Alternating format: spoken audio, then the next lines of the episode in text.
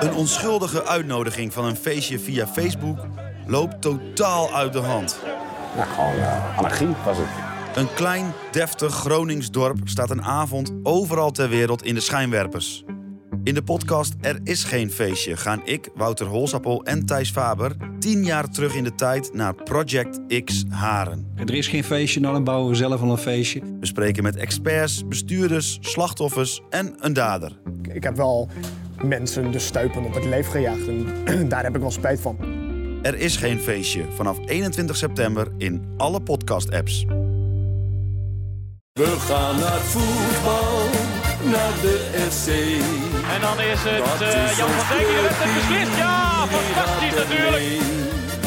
Is tegen Ajax of bij een oor. Roestak en het is 2-0. Roestak met zijn tweede. Juichen wij als het FC Groningen weer scoort. Conform in de podcast, aflevering nummer 8 van seizoen 5. Mijn naam is Maarten Siepel en uh, ik zit hier in de studio weer wederom om de week van FC Groningen na te beschouwen met Thijs Faber. Mooi. En Wouter Rosappel. Hey, leuk dat je er weer bent. Nou, het is weer een tijdje geleden, hè? Heb je het gemist? Ja, ja, tuurlijk. tuurlijk. Maar het leuke is wel dat je nu aan de luisterkant zit. Dus ik kan nu altijd luisteren. En dat vind ik ook wel leuk. Ja, je hebt natuurlijk s'avonds gereden te doen in dat Hilversum. Nee. Dus dan is het maar goed nee. dat er af en toe een podcastje ja. online komt. Dus, we hebben uh, weinig feedback van je gekregen. Ja, maar ja, als je zo'n enorm goede podcast maakt. ja, ja, of als je zo druk bent natuurlijk met nepnieuws verspreiden. Ja, nee, precies. Dan kan dat ook niet. Ja, ja, maar ik luister dan niet heel erg kritisch. Ik ben dan meer gewoon een, half uur aan het luisteren naar hoe Thijs Jij bent al de hele dag maakt. kritisch content tot ja, je aan het nemen bij Nieuwsuur zo, natuurlijk. Zo onderzoeks... Ja, is het al een beetje leuk daar? Het is hartstikke leuk. De, de, de stage is echt super. Dan kan ik, ja, tot nu toe is dat echt gewoon hartstikke leuk geweest. Uh, ja, ik vond de eerste week in Hilversum wel wennen hoor. Gewoon omdat ik voor het eerst echt uit Groningen ben. En ja, ja dan, ik, dan mis je Groningen gewoon. Dus dan, dan, en ook gewoon s'avonds, dan normaal gesproken ga, kan je, weet je, kan best prima alleen zijn. Maar dan heb, heb ik altijd nog achter, een stok achter de deur dat ik gewoon, weet ik veel, misschien een biertje kan drinken met Thijs of met jou of weet ik veel, een van mijn andere vrienden. Ja, en dat, uh, dat, dat kan dan eigenlijk niet. En uh, dat, dus dat, dat vind ik wel wennen. Ja, Hilversum zelf, ja, het is niet, het is, ja, ik weet niet. Het is ik, geen Groningen. Nee, ik, er, er zijn iets van 50 kebabzaken. Um, maar ja, op zich best wel een leuk uh, horecastraatje, denk ik wel. Dus misschien moeten we daar een keer op een vrijdag of zaterdagavond heen. Ja, ik ben heel uit. benieuwd. Ja, ik heb gehoord dat het daar dan heel erg druk is. Maar oh. ik weet het niet. Dat moet ik nog zelf gaan ondervinden. Ja, ik kan lekker eten bij Mout. Op het pleintje tegenover de bioscoop. Uh, maar ja, voor de rest... Uh, en de ja. Nieuwsuur is natuurlijk een heel serieus programma. Ja. Is de sfeer ook heel serieus of valt het mee? Nou, ik moet wel zeggen, die, die dag begint altijd met een redactievergadering waarin ze dan de afgelopen aflevering gaan bespreken. En uh, nou, weet je, de onderwerpen die, die op tafel liggen. Ja, en er zijn mensen die weten zo ongelooflijk veel van een bepaald onderwerp. Dat is echt ja, krankzinnig. En dan denk ik... Dan, Meer dan wij van FC Groningen? nou, dat, nou, dat weet ik niet. Maar je zit dan wel daar aan tafel, denk ik, jezus, vorige week zat ik nog uh, een podcast te maken waarin we Radinio Balker helemaal zaten op te hemelen. En nu zit ik opeens uh, in, een, in een discussie verzeld over, over de energiecrisis en over bepaalde rechtszaken en documenten uit 2008 of 9. ja, dat is wel even een grote switch dan opeens. Maar ja, nee, maar het is verder wel gewoon hartstikke leuk. Dus, uh, dus prima. Maar ik vind het ook weer heel erg leuk om hier te zijn. Insgelijks. Nou, om, uh, om te beginnen natuurlijk wil ik ook onze nieuwe Petje.affers verwelkomen. Deze week zijn dat de correspondent, Allard Breunis, Thomas Vollema, Peter Mulman en Thijs Kortekaas. Bedankt voor het supporten van onze podcast. En mocht je nou ook toegang willen tot extra content, zoals een heerlijke De Maat met Masker. Ik vond Wim, uh, Wim was wel een beetje... Poh.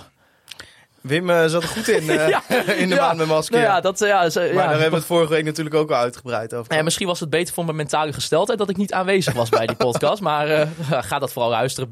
Volgende maand is er weer een nieuwe De Maand met Masker. Nou, en natuurlijk, die, die moet ik er nog voorknippen. Dus jullie hebben nog niet gehoord. Er komt Nee. natuurlijk, natuurlijk een trailer hiervoor, hè? Ja, zeker. Maar daar hoeven mensen niet voor te betalen hoor. Nee, nee, nee, nee. Nee. Voor die podcast hoeven mensen niet te betalen. Maar daar Vertel. hebben ze met belastinggeld al voor Nou ja, betaald. Thijs en ik, podcast, eh, woensdag, woensdag gaat onze podcast in première. Ja joh. Ja, leuk man. Over Project X natuurlijk. Volgens mij, we hebben het ook al een keer eerder in de podcast gesproken. De eerste aflevering Ja, eh, is bijna af, hè? Waarom dan niet je eigen podcast? Bijna af, die is af. Die is af. Ja, Ah, Thijs dingetjes, vindt dat hè? die af is. Ja, niet helemaal. En ik vind elk uur dat ik er weer naar kijk, denk ik, ja, nou... Ik zie Hols tegenwoordig elke dag. Ik, ik, Bijna. ik heb We we de hebben afgelopen twee gehad. dagen heb ik, heb ik Hols niet gezien. Maar voor de rest denk ik dat ik eh, de afgelopen twee maanden Hols elke dag zie. Ja. Ja. Nou, hartstikke gezellig, toch? En we hebben nog geen één keer ruzie en dan- gehad. Nou, nee, onze, onze manier wel- van communiceren lijkt soms op ruzie, maar dat is het niet. Ja. Er zijn denk ik een aantal ik dan- stageverslagen bij Oog die gaan... Nou, er zitten daar twee mannen daarboven elkaar de hele dag uit te Nee, schelden. maar dan hoor je weer iets terug. En dan denk ik weer van, ah, ik moet Gaat- denk ik toch hier de, de voice-over iets anders in. Hoor je het. En dan zit Thijs zit dan achter zijn laptopje. En dan komt hij met zijn hoofd zo omhoog. En dan zie je zo zijn ogen. En, en, dan, en dan begint hij echt zo van, nee, nou is hij eindelijk af. Weet je wel, dus dat, dat, dat, is, dat is het... eh, Ja, maar woensdag eh, is onze mediatour ook, dus mensen zullen nog heel veel van ons gaan horen. Ja, want eh, wat dan? Waar ga Je zit dan? eh, woensdag, eh, nou, je moet er dan nog altijd voorzichtig mee Oh, zijn. ja. Hè? Want die programma's die zeggen je zo af als Ja, er een koningin ja, dat gaat. is Iets op Radio 1, dat, Iets- eh, ja. dat, dat wel, dat kunnen we wel zeggen. Nou ja, ik bedoel, als het Maar het gaat nu wel vrij lang over onszelf. Ja, Nou ja, dat En is ook onze podcast. Ja, maar je mag ook. Je mag, jullie hebben toch heel veel tijd erin gestoken. Dan mag je daar toch best een beetje. Ja, aandacht ja, voor ja, maar vragen. mensen En, moeten kijk- zich ook al door die teaser heen ploegen ja aan het begin. eh, als, je, als, er nou, als er nou iets, eh, zeg maar, eh 16 orkanen door het FC Groningen landschap waren gewaaid eh, deze Nou. week. Dat valt wel mee, toch? Ja, klopt. We Gewoon- zeiden, gewoon we zeiden één- vrijdag nog wat Maar FC gewoon Groningen. één kut, kutwedstrijd en dat was het. Dat is het enige wat we moeten bespreken. Ja, die kutwedstrijd was Sparta Rotterdam FC Groningen. Een 2-1 verlies eh, voor FC Groningen. Eh, Ricardo Peppi eh, opende de score voor FC Groningen. Uiteindelijk uit de corner scoorde Sven Meijnals. En natuurlijk ook de penalty. We gaan hem nog straks bespreken van, eh, van Vito van Krooi. Eh, Thijs, jij was aanwezig in Rotterdam. Zeker. Hoe was de away day? Nou, ik eh, gaan we toch weer over onze podcast hebben, Hols. Ik liep nog een beetje achter eh, met het draaiboek voor een aflevering. Dus ik had gezegd, ik ga wel met de trein naar Rotterdam. Mocht niet natuurlijk, maar hè. Ja, ja, op zich was er niemand die kon controleren of je met de auto, de fiets, met de boot of met het vliegtuig was gekomen. Want je liep gewoon zo dat vak in tussen de Sparta-supports. Maar goed, Ehm, dus ik was met de trein en ik heb gewoon 2,5 uur een draaiboek in elkaar geflanst. En toen hoorde ik op de speaker van de trein Rotterdam Centraal. Ik denk, nou mooi, we zijn er. Eh, ja, vakkie bij eh Spart vind ik altijd top. Ontvangst, altijd vriendelijk. Ben eh, daarvoor nog even in de Schicht geweest. de supportershome van supportersvereniging De Sparta Supporter. Ik had voor onze betalende leden een voorbeschouwing opgenomen met Peter van der Zwan, de voorzitter van die supportersvereniging. En daar heb ik even een biertje gedronken. En er waren ook nog wat Groningen supporters eh daar in, de Schicht. Dus dat was hartstikke gezellig. Toen het vak ingegaan. En eh, ja, nou ja, dan komt de wedstrijd. Ja, Ja. Dat, is even, dat, dat is even uitzitten. maar wat hoorde ik nou voor de podcast? Er was rode en witte wijn aanwezig. Ja, ik stond op een gegeven moment eh, wel in, de rust, eh, in de Oh, lekker, rust eh, even bij de horeca. Ik denk eh, even wat eh, te eten en, eh, en wat te drinken. Ik had een beetje dorst. En eh, ik zag, de, ja, ze hadden rode en witte wijn. Ja, dat heb ik nog nooit in Maar een wacht even, gezien. in wat voor, cult. in wat voor beker kwam Nou, dat? er stonden van die, weet je, van die kleine mini-flesjes daar achter de toonbank. Maar ik, ik had het eigenlijk moeten bestellen, zodat ik wist waar het in geschonken werd. Of, het dan, of je dan Want gewoon... je hebt niemand dat zien drinken. Nee. Nou, ik stel Nee, me dan ja. zo voor dat dat in zo'n gewoon in zo'n zo'n bierbeker wordt Ja, maar ik moet zeggen, maar- Ik moet de zeggen- horeca bij Sparta, het ging snel. Gigantisch veel keuze. Je had vier broodjes om uit te kiezen. Je kon een Red Bull, Red Bull Sugar Free, vijf verschillende soorten frisdranken. Je kon bier krijgen, je kon wijn krijgen. Dus eh, nou, je, de horeca bij Sparta tip-top in orde. En het rook in het uitvak naar versgebakken stroopwafels. Dus, Ach. Want dat maken ze daar. Ja, dat staat zo'n karretje aan Dat is een beetje het broodje Benam van, eh, van Sparta, zeg Wat maar. kult. Ja, dat- Maar ik zou serieus, ik zou er helemaal geen probleem mee hebben om af en toe eens een keer een avond witte wijn te drinken in zo'n stadion. Nee, Maar- heerlijk maar joh. Sparta- Lekker rood wijntje erbij, Sparta, aan. Sparta uitvak vind ik echt top. Ja. Eh, goed zicht. Ehm, dus eh, nou ja, de, op de wedstrijd na was het een prima dag. Ja, jij, jij sprak natuurlijk dus inderdaad met Peter van der Zwan van tevoren. Wat voor beeld had je van Sparta gekregen voor de wedstrijd? van hem? Nou, wel dat ze wat kwaliteitsimpulsen hadden. Eh, ten opzichte van vorig seizoen, waar ze natuurlijk echt ten nauwe nood in de Eredivisie bleven. Eh, dus ik was wel benieuwd. Hij noemde een aantal namen. Natuurlijk onder andere Jonathan de Guzman, maar ook die eh, Japanse linksbuiten van Koki Saito uit mijn hoofd. Eh, dat waren wel namen die hij noemde van daar moet je op gaan letten. Dus ja, ik, ik ging er een beetje in. Ja, ik, ja, weet je, ik ga wel vaker met nul vertrouwen naar FC Groningen. En dat was nu niet anders. Ja. In tegenstelling tot heel veel andere mensen was ik naar Cambuur niet helemaal uit mijn plaat. Ik denk het lekkers boven. Maar dat ik dacht, nou ja, gewonnen. Ja, Wat wel grappig was over de Guzman, er kwam op een gegeven moment een statistiek in beeld wie de snelste drie spelers van op dat moment van de wedstrijd waren. was één Balker, twee Soeslof, drie de Guzman. Ja, maar de Guzman vond ik ook goed spelen, moet ik zeggen. Maar hij heeft natuurlijk Ik een beetje... vond, vond, vond Sparta helemaal niet eh, goed, maar eh, ik vond de Guzman wel goed. Ja, nu was er een verandering in de opstelling van FC Groningen. Ze begonnen namelijk met eh, vijf spelers achterop. Eh, hierbij speelde Liam van Gelderen op de rechtsbackpositie eh, in plaats van Casemiro. Die werd gepasseerd. En Marin Swerko werd toegevoegd aan de centrale verdediging met eh, natuurlijk Mike de Wierik.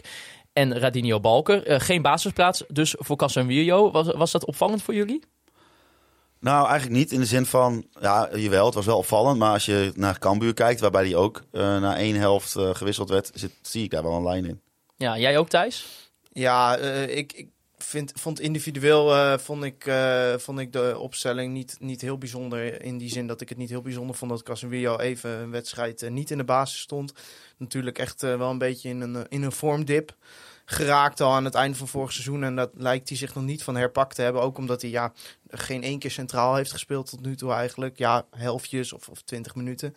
Ehm, maar als je gewoon kijkt naar de opstelling die stond, vond ik het wel raar. Want ja, ik vind Zwerko vind ik echt waardeloos. Dus ja, ik denk dan, ja, ik heb liever een Casemiro die uit vorm is centraal dan, Ja. dan Marien Zwerko. En wat je eigenlijk hebt, als je met die drie jongens achterop speelt, dan heb je juist één iemand die heel veel, die je daar nou juist, hij kan dan juist in dat centrum gaan staan. Als degene die misschien wat minder in de dekking hoeft te spelen, wat minder de duels, maar juist wat meer aan de bal eh, eh, de boel kan op, op, opstomen, zeg maar. Ja, want Ja. er werd bijvoorbeeld ook Dat- Sydney, een van onze luisteraars, die zei ook... ja, Casemiro speelde zijn beste wedstrijden voor seizoen in een driemans verdediging. Waarom banken we hem nu, terwijl we ook met drie achterin gingen spelen? Nou ja, ik Ja. weet het niet. Ja, Het is ik, vind, ik vind deze opstelling. eh, Ik, ja, je kunt net zo goed meteen Maurice Stijn de hand geven en zeggen: Nou. want die had, die had een geblesseerde keeper, hè? Nicolai, een keeper was geblesseerd. Eh, ja, ze had net zo goed met elf veldspelers kunnen gaan beginnen. Want wat je gewoon krijgt. Kijk, Van Gelderen begint verdedigend wel beter te worden. Is aan de bal gewoon niet goed. Het is gewoon, daar kun je niet mee opbouwen. Nou, Mike Twierik is bekend. Die kan over twee meter nog geen paas versturen. Marien Sverko heb ik ook alleen maar fout, eh, dingen fout zien doen. Ehm, dus wat doet Sparta? Die zetten Duarte vast. Die had steeds twee man om zich heen. Nou Duarte is al slecht in vorm, dus dat, dat werd niks. Pelupessi wist het ook niet. Eh, dan hou je balken over. Daar zetten ze druk op Sverko. Nou, laat die maar vrij. Want of eh, hij raakt de bal van zichzelf al kwijt... of hij geeft hem aan Metta of Abraham. Ze zijn we de bal alsnog kwijt. Eh, wat je gewoon zag gebeuren is dat... ze kunnen dan de bal nergens kwijt... want Duarte staat in de dekking. En als Pelupessi dan de bal krijgt, die weet het ook niet. Soeslof komt dan naar binnen. Die hebben ze dan vastgezet. Peppi is met zijn voeten niet zo goed. Abraham komt ook een beetje naar binnen. Gaat Metta er overheen. Die laten ze vrij. Want je weet, Je bent helemaal kwijt. ja, Thijs is het ook. ik hoop dat het te volgen is. Maar waarom Ja, denk ik- waarom, Nee, maar, maar kijk wat er gebeurt. Abraham met ruimte is gewoon, is gewoon, heeft vaak genoeg laten zien dat hij een gevaarlijke speler is. Maar als hij naar binnen komt, dan gaat Sparta hem vastzetten. Ja, en Metta kun je wel laten staan. Dus daar kun je gewoon, daar of je je rechtsback eigenlijk op om Abraham er ook bij te pakken. Nou ja, Metta die heeft op een gegeven moment dan wel ruimte voor zich. Maar ja, Sverko schiet drie van de vier ballen over de zijlijn. Dus, en de bal die wel uitkomt, komt op zijn rechterbeen, waardoor Sparta meteen kan schakelen. Ja, eigenlijk ga je op geen enkele manier een kans creëren op deze manier. En dat zag je ook.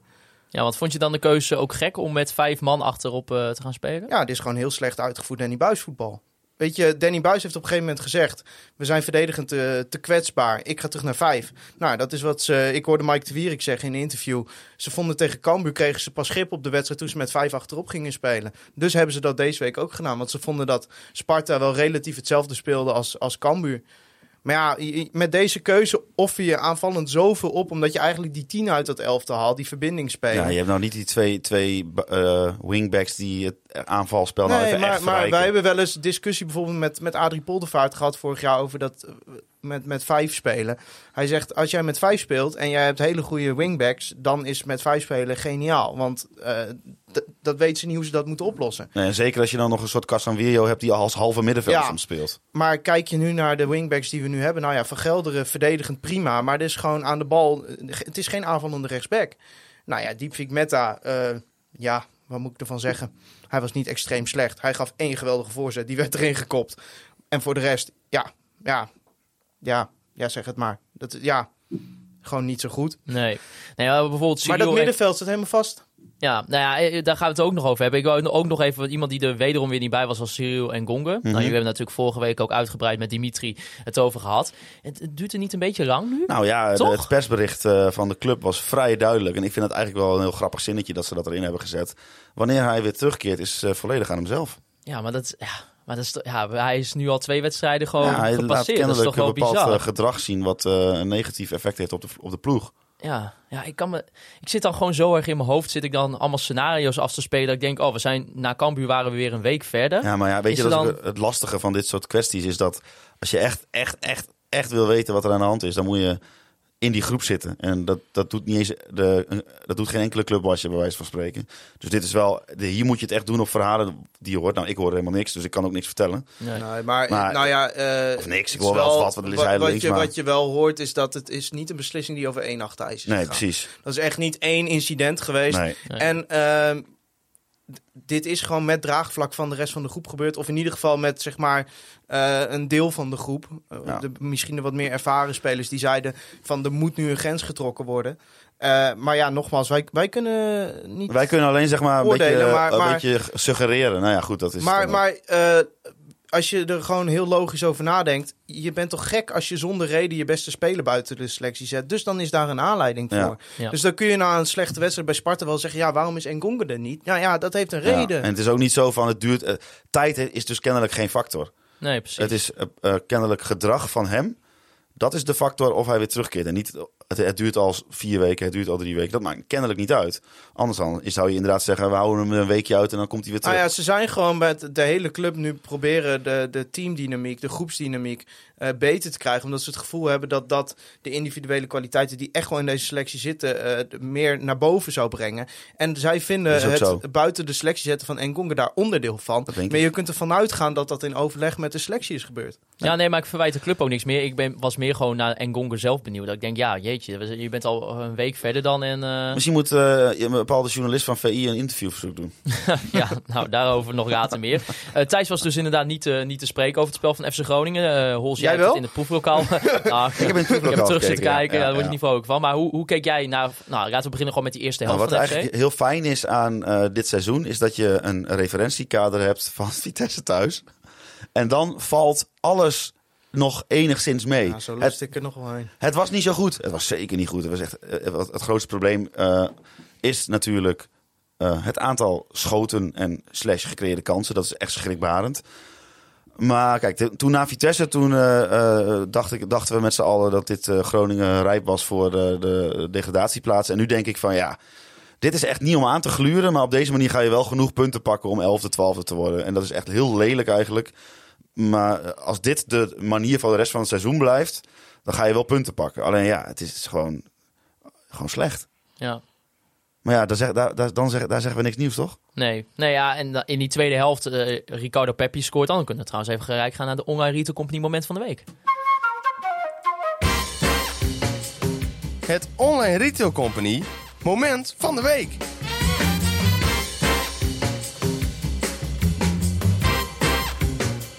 Ons moment van de week gesponsord eh, door onze grote vrienden van de Online Retail Company. Ja, weet je, het, eh, het regent heel hard buiten momenteel in de studio, eh, zoals we kunnen zien. De koude herfstdagen, ze komen eraan. Het, het, het wordt koud. Tenminste, had ik vanochtend wel toen ik de deur uit Groningen, uit de deur uitstapte hier in de stad weer. Dus ja, dan zou ik naar climatewebshop.com gaan en ja? gewoon even zo'n verwarming aanschaffen. Tenminste, ik heb het wel gedaan. De bus van de, van de Retail Company staat eh, momenteel voor Hilversum. Peppi was het moment, toch, eh, van de week? Ja, ja, Voor want 18 miljoen, hoeveel kachels zou je daarvoor zo kunnen kopen?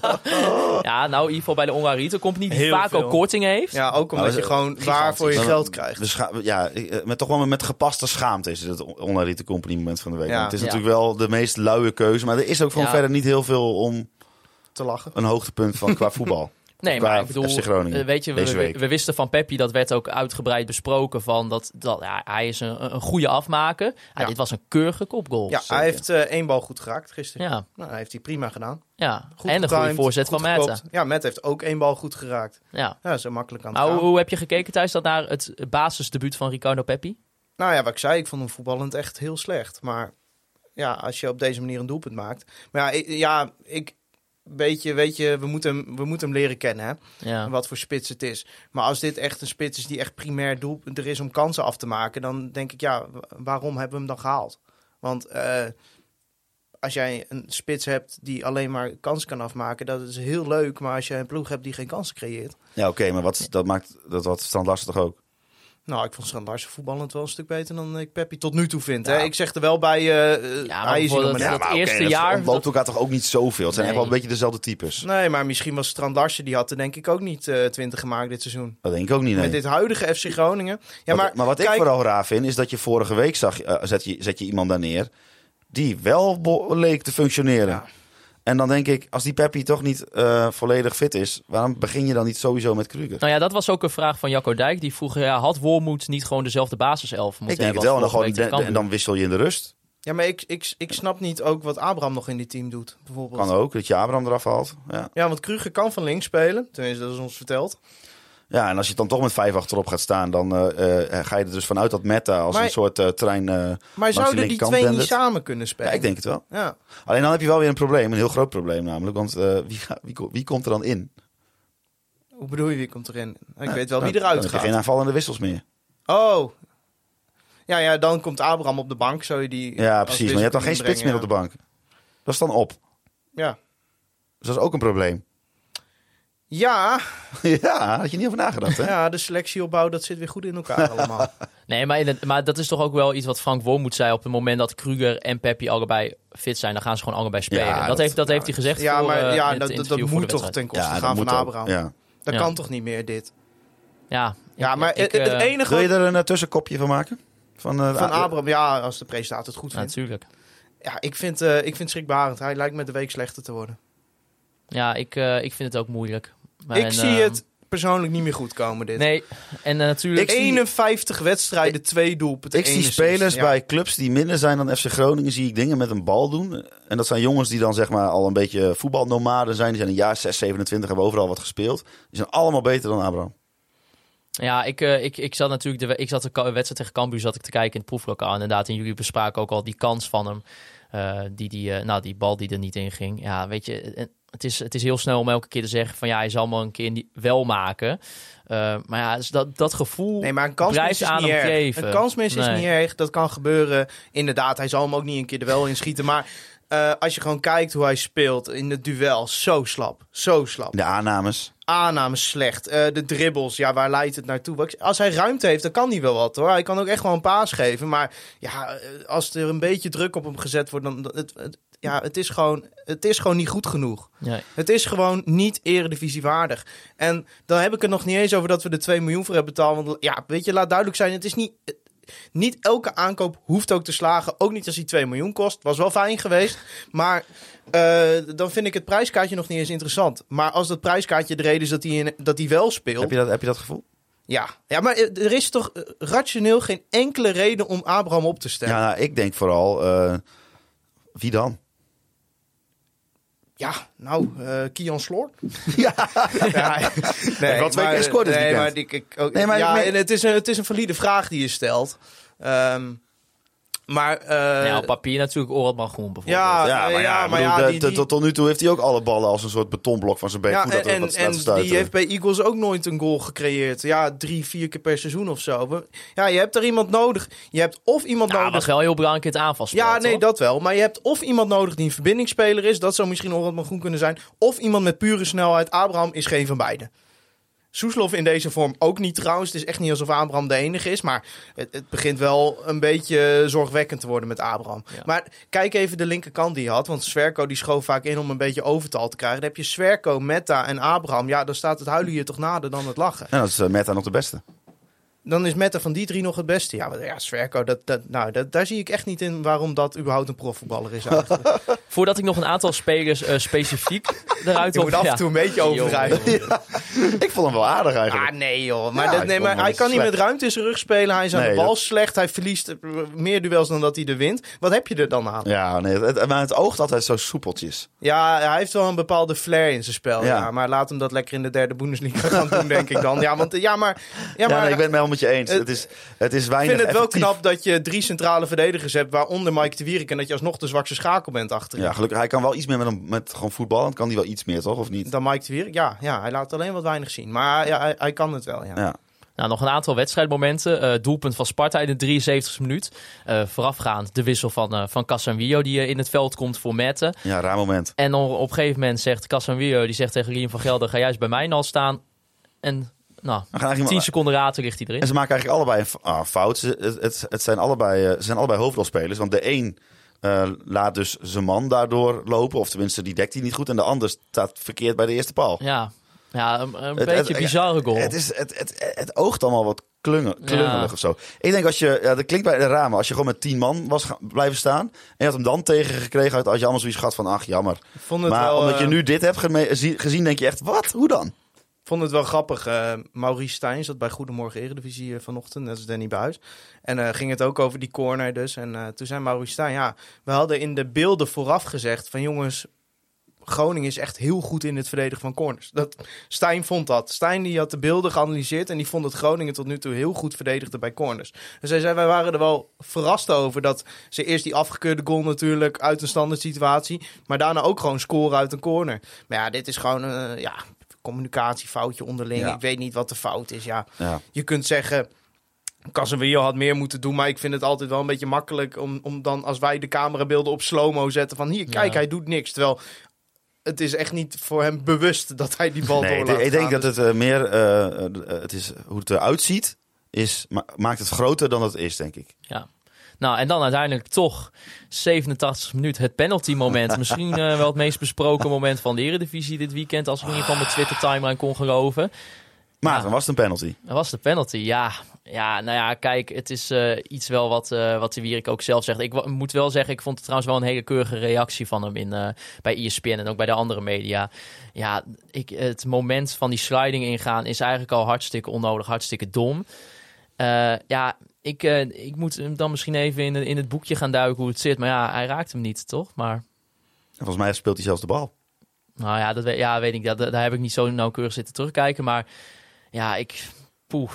Ja, Ja, ik vind het ook moeilijk hoor. Maar Ik- ik, ik, eh, ja, Ja, kijk, al, ik, ik weet niet meer als eh, is het raken of al- is raken of niet, toch? Ja, dat- Eh, ja, dan is het Is geen panel. Nee, maar ja. als die eh, spits niet opspringt, dan breekt hij al bij zijn benen. ja, maar ja, hij springt wel op. Ja. ja, dus ja, dit, Thijs, jij? Ik vind geen penalty, maar ik vind dat Mike de Wierik daar nooit moet gaan liggen. Nee. Nee, maar goed, dat is een beetje de... Ja, maar, dat, De nee, bottom line nee, maar natuurlijk. verdedigers Ja. in de keukenkampioen-divisie doen dit nog, gaan daar nog niet liggen. Dit is zo slecht. Maar hij had toch gewoon... Je kunt zo'n... eh, toch als je op je twee eh, beide benen blijft staan, kun je hem toch naar de buitenkant dwingen. Is er niks aan de hand. Ja, Ja, maar sowieso, er was niemand voor het doel. dan ben je niet echt... Die dus, voorzet was bij Verrips beland of eh, weggeschoten Ja. door een van de centrale verdedigers. dus dan ben je ook niet bezig met je omgeving, wat er, om- wat er om je heen gebeurt. Nee, Mike die is veel te druk met alleen zichzelf, omdat hij en zonder zelfvertrouwen speelt en gewoon positioneel ontzettend slecht is geweest een tijd. Daar waarschijnlijk op aangesproken is. En sindsdien is hij vooral met zijn eigen positie bezig. Wat op, maar verdedigend is het ook wel weer echt wel prima nee, vind ik, vind ik niet. Oké, het, is, het is degelijk, maar niet Degelijk, prima. ja.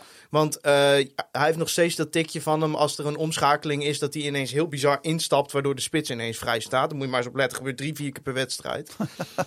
dus eh, ja, ja, nou ja eh, het zal nooit een verdediger worden waarvan ik denk, nou blijf maar opstellen en dit is FC Groningen waardig, maar we zullen het er voorlopig mee moeten doen. En ja, dit moment dat dat toont gewoon weer aan dat hij gewoon zonder vertrouwen speelt. En dat hij dan denkt, nou, ik ga maar liggen. Terwijl volgens mij de beste verdedigers ter wereld zijn de verdedigers die blijven staan. En Ja, ik ben met je eens. eh, kijk, het is geen penalty. Het is gewoon geen, Nee, het is geen ja. penalty. Maar... eh, Hoe was dat vanuit het uitvak Oh, trouwens? en wij dachten meteen, wat een domme idioot. Ja. Waarom ga je daar sliden? Maar en toen, in het uitvak heeft iedereen natuurlijk op de telefoon wel gewoon de beelden. Dus toen had iedereen wel zoiets van, ah, het is misschien toch geen penalty. En het was ook wel bizar dat het uiteindelijk wel een penalty werd, vind ik. Maar Maar volgens mij, als je de beelden heel goed bekijkt, raakt Te Wierik zelfs met de punt van zijn schoen de bal gewoon. Ja, nou, dat zou ik moeten terugkijken. Ja, maar vanuit de andere hoek lijkt het weer alsof hij met zijn scheenbeen die spits raakt. En ik vind er ook wel wat voor te zeggen. Hij komt daar echt met, eh, met 120 km per uur invliegen. Als die gozer blijft staan, die, die voetbalt nooit weer. Nou, Met een beetje pech. als hij doorloopt vooral. Eh, Joey Pelupessi eh, reageerde ook nog na de wedstrijd. Eh, die benoemde ja, het, het- de bal van A naar B spelen. Dat, dat gaat nog steeds fout. Eh, het basisgetraken, hè, daar Ja. komen we ook een beetje op terug. Zo kregen we ook een luisteraarsvraag van Ed Gorissenko. Ik hoop dat ik het goed uitspreek. Wat te denken van Wormoeds mantra dat onze duurbetaalde profs het vereiste basisgetraak, zoals zuivere passing over 10 à 20 meter of het uitvoeren van een fatsoenlijke counter, niet machtig zijn. Als dit klopt, dan is onze scouting toch niet op orde. Nou, ik denk, Vind ik, dat, eh, het- vind ik heel makkelijk. ik maar... denk dat we een beetje op een oude, oude discussie uitkomen. Ik denk dat Groningen hele goede spelers in de selectie heeft. Ik denk alleen dat het niet een hele goede selectie is. En ik denk dat wij niet een hele goede trainer hebben. Dus ik, dat mag, dat mag je zo. Maar ik denk dat eh, de, de, in de onderlinge verhoudingen, hoe spelers zich verhouden tot elkaar in het veld en op de training weet ik niet. Daar klopt iets niet helemaal in. Want Het is... Je, je krijgt stront nog makkelijker door een trechter dan dat FC Groningen een bal van A naar B krijgt. Ja, want ik, ik, ik, ik van tevoren hè, in, het, in, de, in de voorbereiding eh, op dit seizoen en ook... Ik, ik, keek, ik keek gewoon een beetje met gewoon, ja, heel veel enthousiasme, ho- hoopte ik in ieder geval, te dat is kijken naar beetje- Joey Pelupessi bijvoorbeeld en Dat Raros is een beetje Duarte. het effect als iets nieuw is. Ja. Een nieuwe trainer. Ja, maar, Dan voel je een soort frisse wind ja, maar niet club. alleen ik, de trainer, maar ook als ik bijvoorbeeld naar dat centrale middenveld kijk met Joey Pelupessi en dan Raros Duarte. Daar dacht ik echt van tevoren, ik denk nou Joey, ehm Ja, spelen met als ervaring. jij het tactisch tegen Raros. Sparta zo neerzet dat die twee zo makkelijk vast te zetten zijn, ja, dan kun je daar Frenkie de Jong en Pedri naast elkaar hebben. Maar dat gaat er niet onderdoor voetballen. En dat is de verantwoordelijkheid van de trainer. Die is gewoon nog zoekende naar een tactiek. En ik heb het gevoel Nou, dat... sterker nog, die zegt in een interview dat hij helemaal niet met tactiek bezig is. Nee, maar ik, ja, ik vind het een enorme mismatch, Wormoed en deze selectie. Terwijl Ja. van tevoren was, waren wij ook, hè? volgens mij Ja, hebben wij ook ik- gezegd vind- toen ik- zijn naam al Kijk, werd ik genoemd, zei, toen Danny ik vind, Buis nog niet Ik eens vind weg was. Wormoed een goede trainer, maar niet voor deze selectie. Ik denk de- gewoon dat ze. Ik denk dat Vladeris heeft onderschat. Die dacht. De problemen die er onder Danny Buis zijn. die worden allemaal opgelost als Wormoed er komt. Ja, daar heeft hij zich in vergist. En Wormoed heeft het ook te doen. met dezelfde problemen die Danny Buis heeft. En dat zijn dingen. daar had je in de zomer op kunnen doorselecteren. Heeft hij niet gedaan. So be it. We zullen het ermee moeten doen tot de winterstop. En ik geloof er niet in dat we gaan degraderen. Dat basisniveau is er wel. Maar het wordt in ieder geval weer een enorm kutseizoen. Qua voetbal, qua resultaat. Misschien hè, dat, er, dat ze de geest krijgen dat je wel gewoon om play-offs meespeelt. Het, het is echt niet onmogelijk, want wat er om ons heen speelt is ook gewoon heel slecht. Ja, je bent, Dus- alleen, je bent een beetje Heerenveen ben je kwijt, maar alles, Ja. wat, daar, alles wat daar En, nog... en, en eh, laat voorop staan, hè, ik verwacht niet dat ik elke week eh, de ene naar de andere kans 20 schoten op doel. Dat, ja, dan, dan was ik wel voor een andere club geworden. Ja, je hebt er eenmaal mee, mee te dealen. Eh, maar FC Groningen is gewoon, zowel op het oog als statistisch onderbouwd, de ploeg die het allerminst creëert dit seizoen van de hele eredivisie. En dat vind ik met onze begroting eh, niet, niet normaal. En, en nou, daar is Wormoed mede schuldig aan. Daar is Mark-Jan hoofdschuldig aan. Vladeris. Ja, en dat is nou de situatie waar we in zitten. Nou ja, laten we even kijken naar misschien die twee rollen. Ehm, over het aankoopbeleid van Flederis had Gerard Posma bijvoorbeeld een vraag. Die zegt, kunnen we concluderen dat nu Wormoed terug is gevallen... naar het systeem wat onder Buis best succesvol is geweest... dat Flederis qua aankoopbeleid heeft gefaald... gezien de beloftes eerder dit seizoen over de speelwijze van FC Groningen? Belangrijk is dat ook alles wat ik net heb gezegd... je hebt een korte termijn en een lange termijn. Ik geloof nog steeds in dat met het verkoopbeleid en het aankoopbeleid van Mark-Jan Vladeris... er een basis wordt gecreëerd waardoor wij in de toekomst er beter voor zullen gaan staan dan we nu staan. En er beter voor staan dan dat we ervoor stonden toen hij aantrad. Ik denk alleen, als je terugkijkt nu op 3,5 jaar Mark-Jan Vladeris... eh, of drie jaar Mark-Jan Vladeris... dat het hem nog niet gelukt is om ook op het veld eh, een gebalanceerde selectie te hebben. Er zijn wel individuele spelers geweest met exceptionele kwaliteiten. Die werden vaak snel weer verkocht voor veel geld... waardoor die voorwaarden dus worden gecreëerd. Maar als ik erop terugkijk, heb ik nog geen één keer het gevoel gehad van deze selectie is in balans. Hè. Ze zeggen in het beleidsplan, we willen een combinatie tussen ervaring, talent, dynamiek, eh, nog zoiets. Nou ja, dat is het nog geen één keer geweest.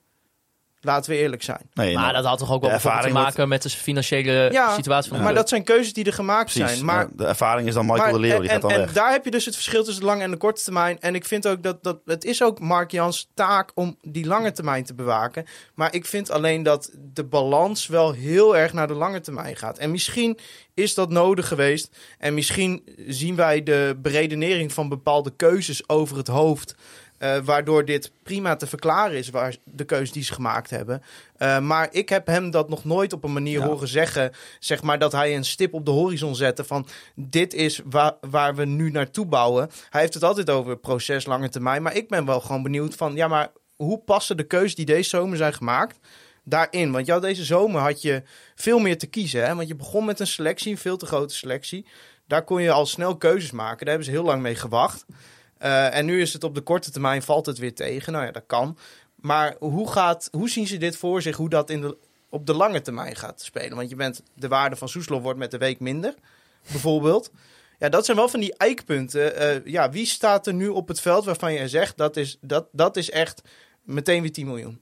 Nou, niemand. Nee, en dat had je vorig jaar wel. Ja. Daarvan zei je Soeslof. Maar ja, 10 Kan miljoen zo. is ook wel natuurlijk heel exceptioneel. Hè? Laten we 5 miljoen zeggen. Vorig jaar zei je, nou, eh, boven de 5 miljoen staat er nu Soeslof eh, in deze vorm. Strand Larsen, Casemiro, eh, van seizoen. Duarte zelfs Duarte. op een gegeven moment. Ja. Ja, dat heb je nou niet meer. Nee, Meijer, die werd al verkocht voor meer dan 5 miljoen. Ja, daar ben je nu kwijt. Dus ik, ik ben wel benieuwd van, van hoe gaat dit op de lange termijn uitspelen. En op de korte termijn, ja, we zullen het ermee moeten doen. En daar kunnen we heel kritisch op zijn. Maar als het op de lange termijn zich uitbetaalt, dan zijn de keuzes goed geweest. Maar ik ben wel benieuwd, hoe zien Ja. ze dat dan voor zich? Kijk, eh, eh, gelukkig eh, is er zoiets in de, in, de, in de wereld als recency bias. Dus als die spelers aan het eind van het seizoen drie, vier goede wedstrijden spelen, kun je ze zo weer verkopen voor een miljoen of vijf, zes, Ja, zeven. maar is dat, is dat Maar dat is dan inderdaad... Ze zijn enorm nu elke keer. nou, Meijer hoeft nog geen goede paas te versturen in de Champions League en iedereen is blij. maar is dat wat wij willen? Want die gozer heeft 15 goede wedstrijden gespeeld voor Groningen. En dan raak je hem kwijt. En dat is voor de financiële positie heel goed. Ik bedoel, dat is een werelddeal. 6 miljoen voor Meijer. Maar is, is dat waar je als club naartoe wil? Nou ja, of is dat de weg naar waar je naartoe Precies, wil? want die voorwaarden die jij schetst, als, als die bereikt zijn, dan zeg je tegen mij, ja, dag, je blijft hier nog twee jaar, hier heb je eh, twee ton per jaar extra. Ja, maar eh, mijn gevoel is dus, zeg maar, de, de, er wordt naar een lange termijn toegewerkt en daar wordt alles ondergeschoven. Daar wordt ook op de korte termijn sportief tegenvallende resultaten wordt er ondergeschoven. En die lange termijn is dan naar de grote markt. Maar dat vind ik helemaal geen concreet doel. Ik ben gewoon benieuwd. Maar hoe ga je dan de volgende stap maken? Want als je toch kijkt naar waar we geëindigd zijn vorig seizoen en hoe we er nu voor staan, dan zijn we er toch voor geen meter op vooruit gegaan. Op het veld. Ja, Op het veld niet, nee. nee. Maar op andere plekken waarschijnlijk wel. Ja, nou, we hebben nu in plaats van 10 miljoen 20 miljoen eigen vermogen. Maar we staan nog steeds straks twaalfde in de winterstop misschien.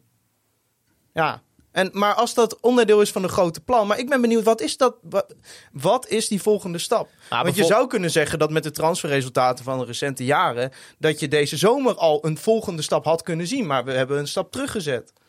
Maar bijvoorbeeld misschien hè, over die, die keuzes. Hè, want eh, er moest worden gesneden in de selectie natuurlijk. eh, dus de spelers moesten weg.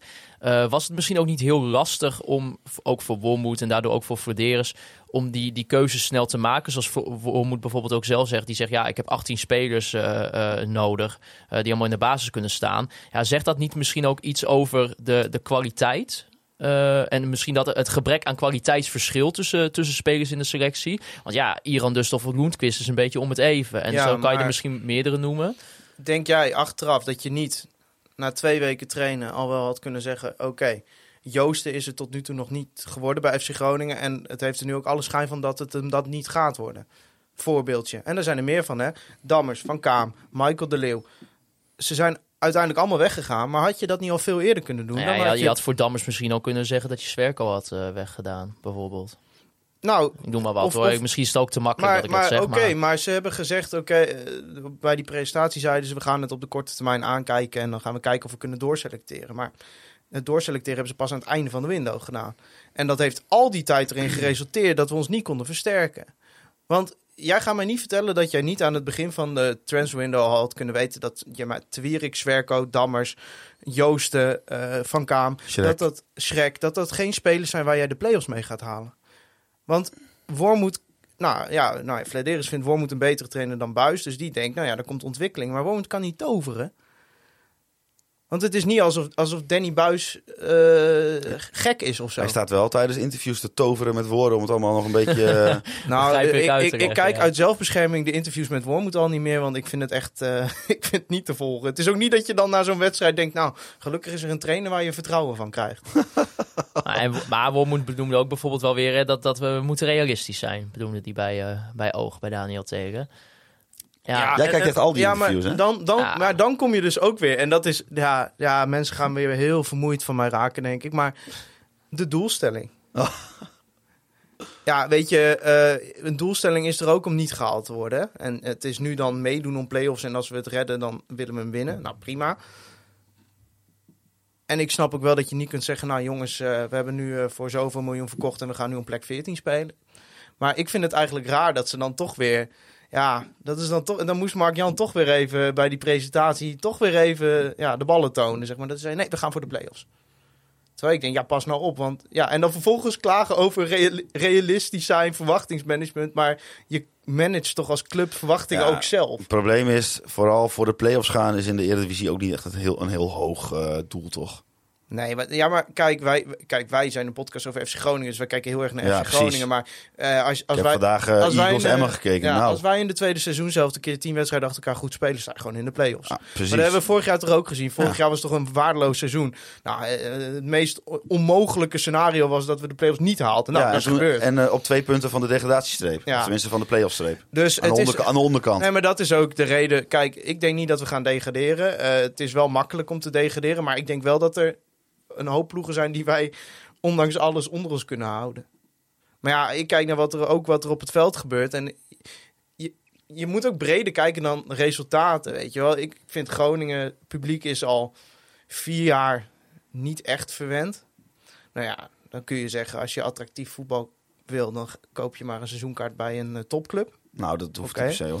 Maar ik denk wel dat daar een middenweg in, in gevonden Ja, het is, het is wel heel extreem. Ik, vind, ik ben het daar niet helemaal mee, in die zin niet helemaal mee eens. Ik vind eh, natuurlijk, FC, Groningen kan niet de, eh, geen oldcard halen en AZ wel. Maar dat betekent niet dat je al vier, want inderdaad al vier jaar lang naar een soort stroop hoeft te kijken. Ja. Ja, maar, ja, maar ik vind dat. Ja, maar dat is wel een bewuste keuze. Want deze trainer is ook weer een hele defensieve trainer. Dat zie je nu ook. Op het moment dat, het hem te- op het moment dat hij merkt dat, het team als geheel niet goed genoeg is, kiest hij meteen voor eh, de bus parkeren. Tegen Sparta. En hij zal zeggen dat werkt eh, het beste tegen Sparta. Kijk maar, ze, Nou, hij, ze zal hebben, geen zeggen dat, hij, zal ze zeggen, hebben geen kans gehad. hij zal zeggen dat er intenties waren om aan te vallen. Ja, maar ja, als jij dan een aanval hebt met een Soeslof die uitvormt, en een Peppi die op een eiland staat en een Abraham die gewoon niet zo goed is, ja, succes. Maar als we de balans opmaken, FC Groningen momenteel op de twaalfde plaats na zeven Ik wedstrijden. vind dat we nog bijzonder veel punten hebben. Met acht eigenlijk. punten. Uh, Ja. Overwinningen waren dan tegen Go Ahead Eagles, eh Cambuur en twee keer gelijkspel tegen NEC en Volendam.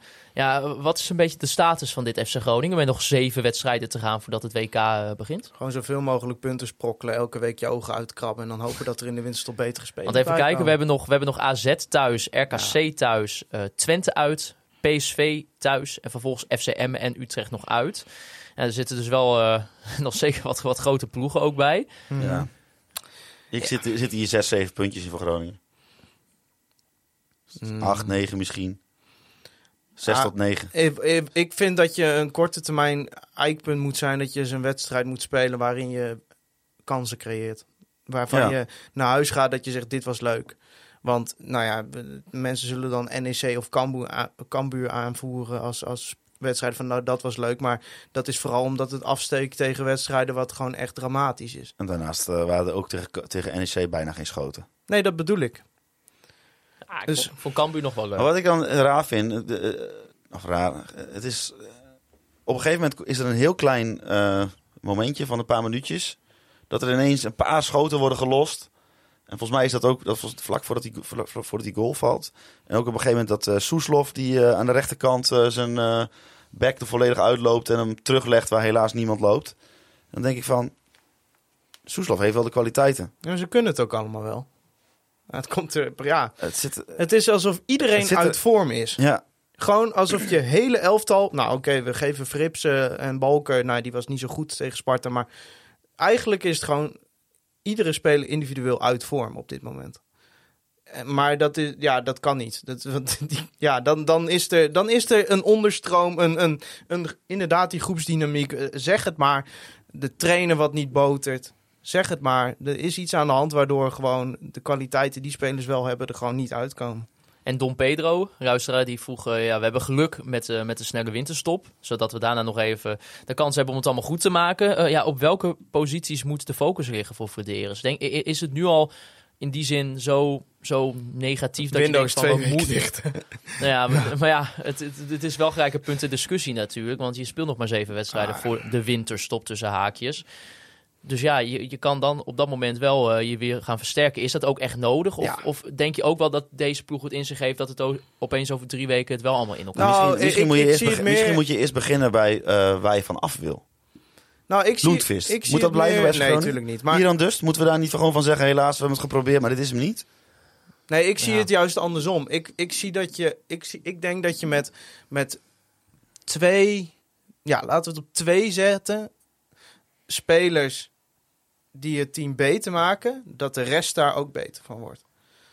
Dus stel, stel je verhuurt Abraham een half jaar. Desnoods naar Zweden misschien. Hè? Misschien heeft hij dat nodig, dat hij weer even in een vertrouwde omgeving is. Je verhuurt Abraham en je haalt een linksbuiten, desnoods huur, die er gewoon meteen staat. Je haalt op de rechterflank iemand, of je haalt een 10 Nog één. speler. Ja, nou ja, dan moet je misschien Iran dus of Loenvist een van de twee wegdoen. Nou, ik denk niet dat dat heel erg is als een van die twee vertrekt. Je haalt een 10 die er ook meteen staat. Mag ook best een huurspeler zijn. Ik weet dat het Vladeris daar niet van houdt, maar dat mag best. Dan heb je, stel dat zijn alle twee spelers die het team direct beter maken. Ik weet dat het wat moeilijker is om zo iemand te halen dan ik het nu toe laat voorkomen. Dan denk ik dus ineens dat Pelupessi en Duarte die gaan meer ruimte krijgen. Dus die komen beter aan hun spel toe. Eh, als je een goede linksbuiten hebt, dan gaan verdedigingen niet meer expres die linkerkant vrijlaten. Waardoor er ook weer meer ruimte op het veld ontstaat. Ik denk serieus dat je met één of twee aankopen, gerichte aankopen of huurspelers die ons direct beter maken, dat die andere spelers ineens wel in hun kracht kunnen komen en dat het nog goed kan komen. Dus dat, ja, dat is, dat zou mijn. Kijk, het is nu heel makkelijk om te zeggen, ja, je kan het hele elftal wel wisselen. Dat vind ik te makkelijk. Er zit echt wel kwaliteit in de spelers die er nu zijn. Ja, laten we even gaan naar een ander Maar dat had je deze zomer al moeten doen, om Ja. er nog even wat aan toe te voegen. Maar goed. Eh, laten we nog even gaan naar een ander dingetje. Iets wat ook een beetje nationaal werd opgepakt eh, via de Twitter-kanalen. Dat was de tweet eh, van Reon Boeringa van Voetbal International. Die had Mhm. de volgende tweet geplaatst. FC Groningen heeft deze week een aanvraag voor een interview geweigerd. Daarop werd in algemene zin gezegd dat de club meer regie wil pakken als het gaat om contacten met de media. Aanvragen worden daarom nu niet alleen beoordeeld door de persafdeling, maar ook door de staf en de TD, de technisch directeur. Hoe hebben jullie daarna gekeken? Er kwam best wel veel berichten op. Ik zag bijvoorbeeld hè, Marco Timmer van, eh, van Voetbal International ook een tweet van Ja. ja. waar, waar gaat dit heen? Eh, Maar dat veel is andere mensen reden, ook. denk ik dat het iemand van V is. Nee, dat Want begrijp ik. ik ken maar... Reon een beetje. Dit is niet een tweet die hij in de emotie heeft geplaatst. Ik denk dat hier zelfs een overleg is geweest met mogelijk een hoofdredactie of een eindredactie. Wat dan ook, of met collega's, voordat dit de wereld in is gestuurd. Want ehm, wat, wat ik denk wat er gebeurd is, is dat, nou, hij heeft zelf toegegeven, het was Iran dus. Dat zei hij eerst niet, maar nou ja, na wat kritiek eh, was hij het wel mee eens dat hij het wel netjes was dat hij de naam, nou, dat was Iran dus. Eh, ik denk dat Iran dus zelf niet wilde. Dat, dat is mijn gevoel. Dat die zoiets had van, nou ja, eh, want ja, ik denk niet dat de club op dit moment het heel erg moet vinden als Iran dus een interview gaat geven. En ik denk dat ze om hem, een beetje met de gedachte om hem te beschermen of zo, dat ze dan gezegd hebben van, nou ja, eh, niet, oh ja, en wij willen ook meer de regie over de interviews en de media-uitingen naar wat er afgelopen tijd is gebeurd met Larsen en zo, Dammers, De Leeuw. Soeslof. Ehm, ja, en ik denk dus dat daar een soort communicatiefout is ontstaan. Want als jij tegen een journalist zegt de woorden: wij willen meer regie over wat er naar buiten komt, dan eh, schakelt een, iemand die zeg maar journalistieke waarde vertegenwoordigt, die hoort dan niet meer wat je voor de rest zegt, maar dat is gewoon rode lap op een stier. Want dan denk je ineens, oh, ze willen de regie. Terwijl Groningen heeft meer zoiets, denk ik, van we willen even zorgen dat in deze periode er rust rondom het elftal komt. Dus we kunnen nu niet gebruiken als we weer klagende spelers hebben, zeg maar. Nou, daar kun je van vinden wat je wil. FC Groningen is geen overheidsinstelling, dus heeft niet de verplichting om... eh, Nou, geloof me, overheidsinstellingen die voelen die verplichting ook lang niet altijd. Hoor. Nee, maar eh, je, je kunt Daleo Iran dus niet verplichten om met Reon Boeriga te praten. Dat bedoel ik te Nee. zeggen. Eh, je kunt van FC Groningen vinden, van die houding vinden wat je wil. Ik vind dat FC Groningen de afgelopen jaren zeer transparant is geweest. Nou ja, daar- wij ook onderdeel van.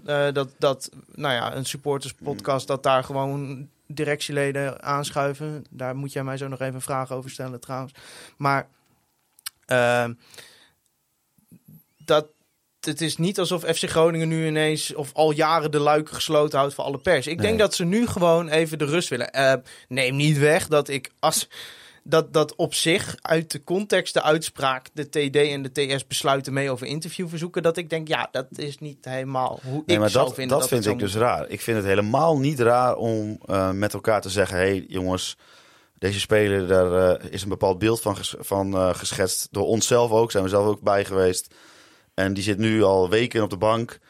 Zullen we het gewoon even niet doen? Nou, dan vraag je het aan hem. Ik weet niet of hij het inderdaad... Misschien heeft hij zelf ook wel gezegd van... ik weet het niet, ik wil dat niet of ik wil dat wel.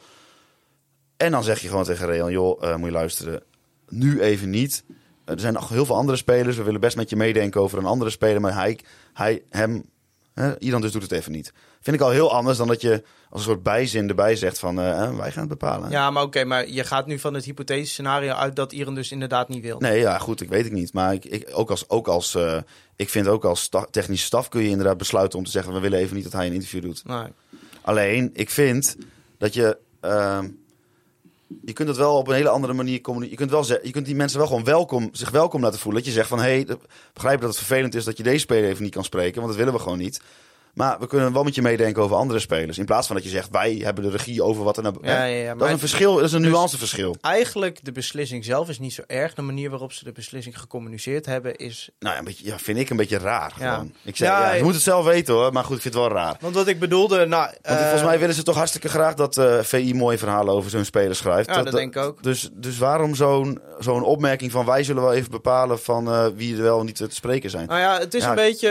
ik ik, ik heb een beetje het gevoel dat ze, dat ze met man en macht proberen de rust terug te krijgen ja, bij de dat club. is terecht. En eh, in, in die lijn, eh, wij hadden een interviewverzoek liggen bij eh, Mark en Vladeris, omdat wij graag hem.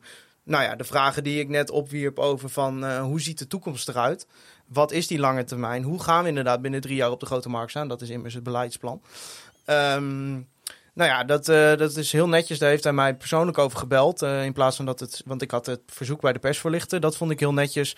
Eh, dus hij heeft ook uitgelegd dat hij binnenkort. of in, op korte termijn geen media uitingen doet. Omdat hij vindt dat het team in het proces zit op dit moment. En dat hij de achterban door recent dat ding op het clubkanaal en het interview in VI. Dat hij vindt dat hij daarmee de achterban voldoende En heeft geïnformeerd. Ja, maar afkik kan niemand Nee, terugkijken. dat klopt. Dus dat Vond ik ook al. eh. ja, maar goed, dat, hij vindt dat hij daar de achterban genoeg mee heeft geïnformeerd. En hij ziet momenteel eh, geen vragen die hij nog niet beantwoord heeft. Wat hij een meerwaarde zou vinden om eh, bij ons aan te schuiven. Dat was zijn verhaal. Nou ja, ik ben het er niet mee eens, maar ik snap zijn positie heel goed. Maar ja, ze proberen, ik probeer dat meer in een bredere context te zetten. Van ze proberen, denk ik, gewoon momenteel even. Weet je, je komt al uit een heel turbulent seizoen. Je denkt, we hebben een nieuwe trainer. Er was frisse wind. Hebben wij ook op het trainingskamp gemerkt. Er was echt even positiviteit.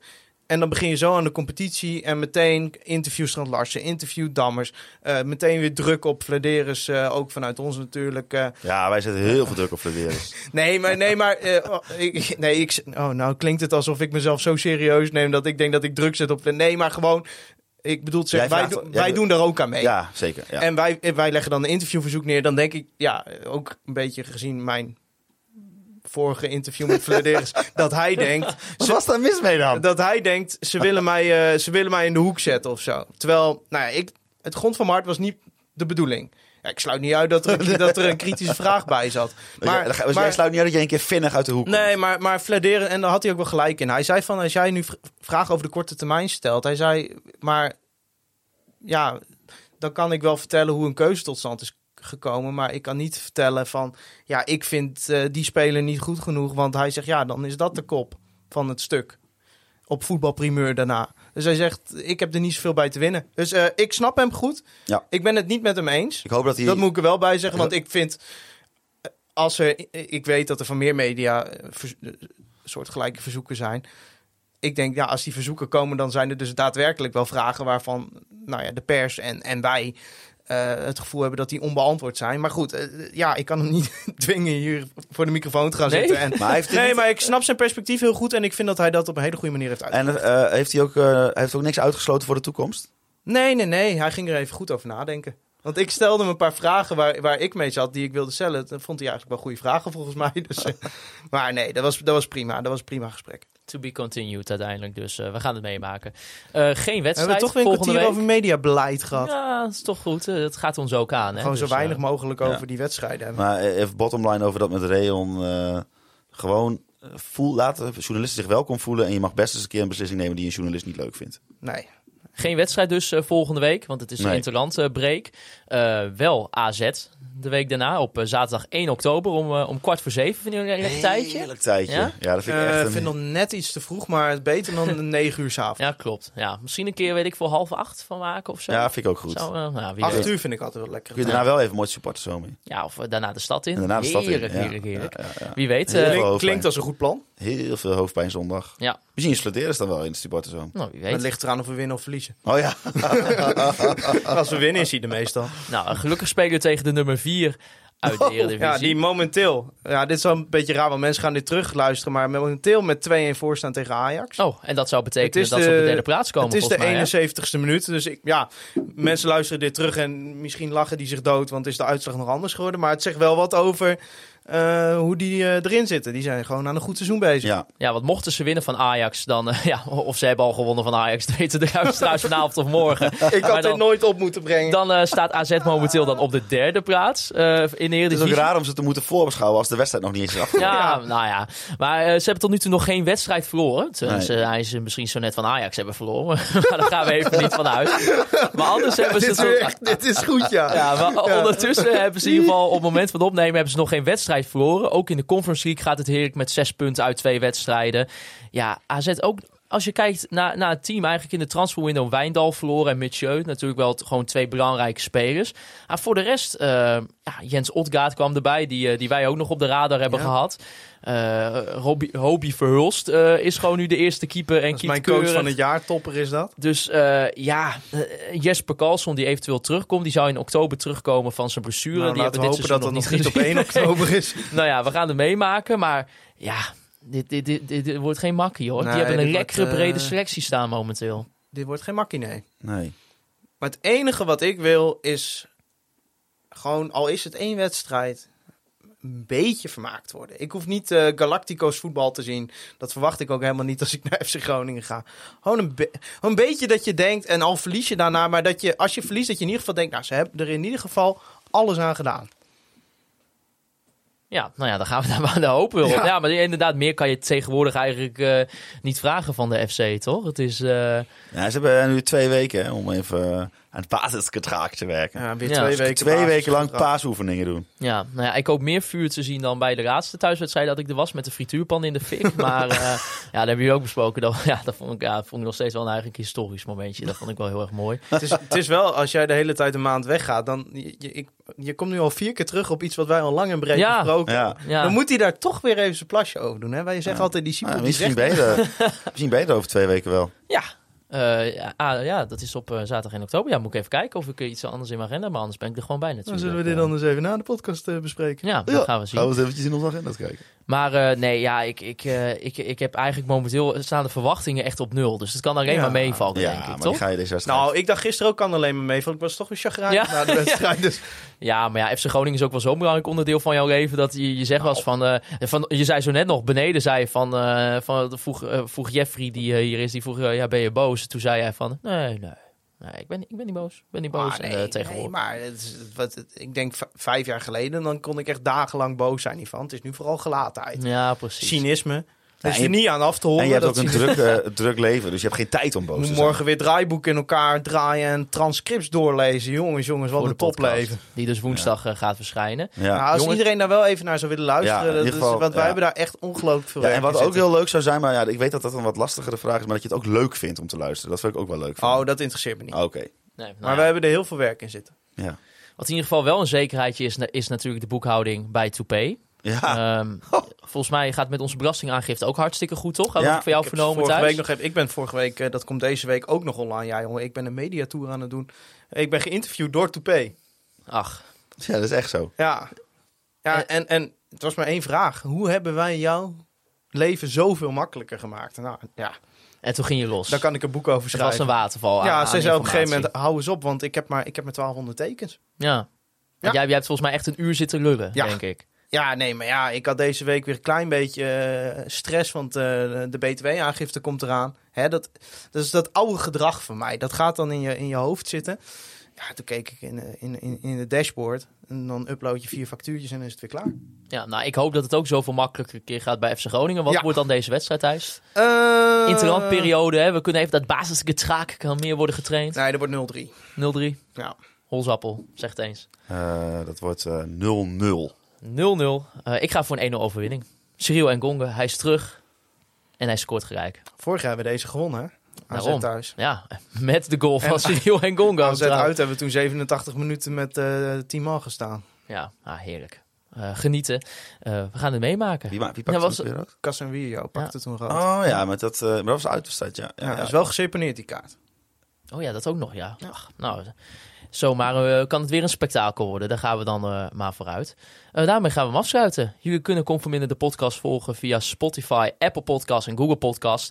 Volg ons ook via al onze social media kanalen. Zoals Instagram, Twitter, Facebook. Af en toe nog wel eens op TikTok ook. Maar ik, heb geen filmpje, ik heb geen filmpje van jou meer gezien, Hols. Hoezo? Eh, ja, we filmen ook niks. Nee, we filmen ook niks. Ah, we gaan binnenkort weer opnemen met Danny Buis. Dus misschien dat we dan weer Nou, content maken. Hartstikke leuk. Alvast een kleine sneak preview Ja, ook voor de, weer eh, voor luistert nu toch niemand meer. Dus eh Ik, eh, jullie kunnen mij onzin al lang afgezet. ja, dat, dat denk ik ook. Ja, maar voor, misschien voor de denk die toen, nog wel toen rijden. jij begon over dat eh, telefoongesprek met Flederis, dat mensen afgehaakt zijn. ja, dat weet ik. Ja. Dat kan ik straks terugzien in de retentiecijfers op Oh, Spotify. ja. Dat Dus, kunnen we eh, allemaal zien tegenwoordig. ja, heerlijk. Je bent, Eh, je bent nergens meer veilig. Nee. Jullie kunnen mij persoonlijk volgen op Twitter. Maarten, Siepel. Holzappel natuurlijk voor Wouter. En Thijs, Thijs, Faber. Ik wil natuurlijk Andy Zuidema bedanken voor de foto's die wij elke week mogen gebruiken. Onze sponsoren, de Online Retail Company en Toupay voor het steunen van Conform in de podcast. Daarbij natuurlijk ook de Petje.affers die ons eh, steunen. Eh, en wil jij nou ook toegang krijgen tot extra content? Ga dan vooral even naar conforminder.nl. Natuurlijk Free Westerhof en Mark Pepping voor de intro en outro muziek. En als laatste natuurlijk het belangrijkste, jullie de luisteraars voor het luisteren naar Conforminder, de podcast. Als scoort.